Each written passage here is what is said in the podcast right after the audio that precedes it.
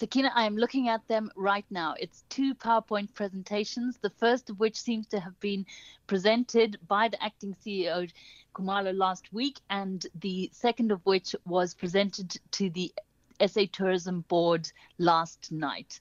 We also understand that the board did, in fact, approve the presentation that it approved the proposal. So the claims now from SA Tourism, from the department, that they don't know what's happening, that they're gathering facts, frankly, should be dismissed. So, given everything that's happening in South Africa, just at a socio-economic level, I think South Africans are absolutely outraged, as you may have seen uh, in response to uh, the article that you wrote, Rebecca.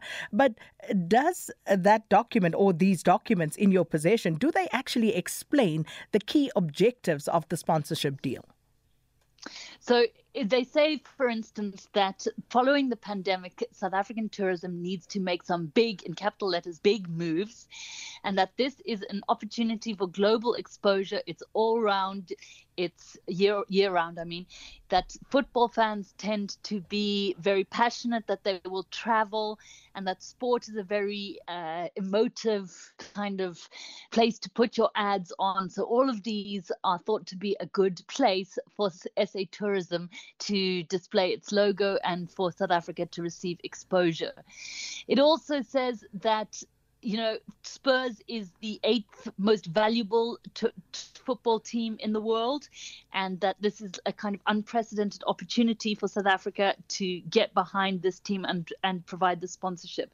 So, you know, what's important there is to note that from what we have heard from tourism experts, Spurs has actually been shopping this proposal around for years, for as at least six years. That it has previously approached SA Tourism and has always been rejected, but now suddenly this proposal is falling on fertile ground. Any idea as to why that is the case at this stage? I mean, this would be speculation, but we all know that the tourism department is kind of up in the air at the moment moment, we know that the Minister Lindiwe Sisulu is likely to be shuffled out of her position when the next cabinet shuffle happens in the impending days. We also know that there is currently only an acting CEO and an acting CFO at SA Tourism. So there's this kind of very nebulous space that SA Tourism is, and it does appear as if there are people who want this deal to be concluded very quickly before more permanent administration takes over. So, speaking of concluding it very quickly, you spoke about the meeting that was held last night. Um, uh, do we have any ideas this stage uh, as to when this uh, a deal would be unveiled if it were to be approved? So the initial presentation states that President Cyril Ramaphosa is to unveil it with a kind of flourish during the State of the Nation address. So, you know, I mean, I must say that is one detail that sort of blows the mind because I'm not sure what kind of a response they are expecting from the South African public. Um, from what we're hearing, there is some pressure to get the deal signed and everything inked as early as the end of next w- this week. And we're seeing from football experts in London now on Twitter that they're hearing the same from Spurs, so that the the present the proposal may be concluded as early as the end of this week, and then supposedly to be officially revealed to the South African public at SONA on the 10th of February. Of course, we don't know whether this media reporting will have forced the department and the Tourism Agency to bring forward that date. Absolutely fascinating, if not flabbergasting, this year. Uh, but also, Rebecca, in those uh, uh, documents in your possession, uh, is there actually a cost analysis in terms of uh, inter- return on investment? Uh, have they looked at uh, similar deals? Uh, you know, we know that there are other clubs who actually do have those sleeve sponsors from different countries. Uh, it, have they actually done those comparisons, and what does it tell us if you have seen that? So it's very hard because th- these kind of matters are very hard to get specific figures on what the return on investment would be. We know that Rwanda sponsors Arsenal in a similar manner, and it's uh, actually a lower value sp- sponsorship. Their sponsorship deal is about 10 million pounds a year, whereas we're looking at uh, 42.5 million pounds over three years. The, the claim made in the presentation is that for the that expenditure, which is about a billion rand, we would receive back media exposure to the value of six billion rand. The problem is that from the tourism experts we've spoken to, that is just very unlikely. They're saying it's a very, very high risk uh, investment and the, the return on investment is unlikely to be anywhere near that. So there is a great deal of skepticism from tourism experts as to whether that would indeed be true. And uh, before I let you go, uh, Rebecca, any response yet from the minister or you know any of the other head honchos involved at SA Tourism or elsewhere in the government? We, we, were asked not to publish our story today on the grounds that they that, that the department was still establishing facts. Everything we've heard suggests that that is nonsense. That the minister is intimately involved. That she knows exactly what is going on here. And of course, there are questions that must be raised as a result of why now there is this attempt to claim that this is some kind of mysterious deal. So when you say the minister seems to be intimately involved, how so? Uh, you know, and and uh, what are the facts that seem to suggest that, Rebecca?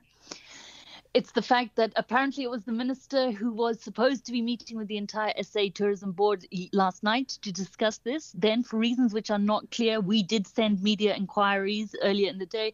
For reasons that are not clear, that somehow got changed to her having a private briefing with the acting CEO before the SA Tourism Board meeting. But we understand that all of this was on the subject of this exact deal.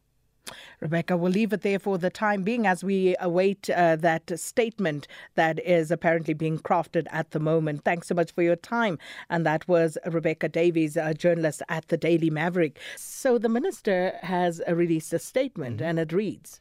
Tourism Minister Lindiwe Sisulu has noted a report by the Daily Maverick on Wednesday, the 1st of February 2023, headlined From Lindiwe Sisulu with Love Inside SA Tourism's 1 billion rand proposal to sponsor Tottenham Hotspur. Right.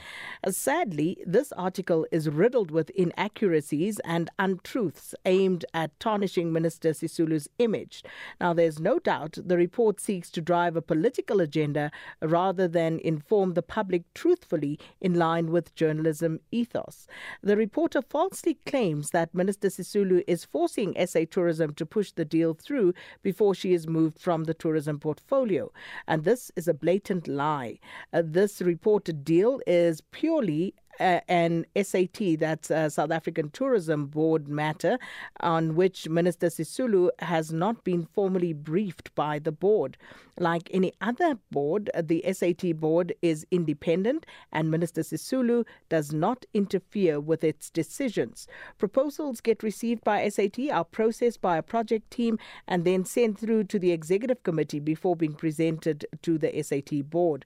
In the various portfolios that Minister Sisulu has served since the dawn of democracy, her contribution to government speaks for itself. Even Daily Maverick, through its source, indicates that this proposal dates back to 2017, of which Minister Sisulu held a different portfolio. Essentially, the South African tourism proposal is to conclude a memorandum of understanding with Tottenham Hotspur Football Club. It is non binding such a proposal must still pass muster within the Tourism Ministry and is subject to concurrence of the National Treasury to confirm government prescripts. So, with regard uh, with, with regard this matter, Minister Sisulu is still awaiting a report and uh, to be briefed by SA Tourism Board as they are independent and take their own decisions on various matters.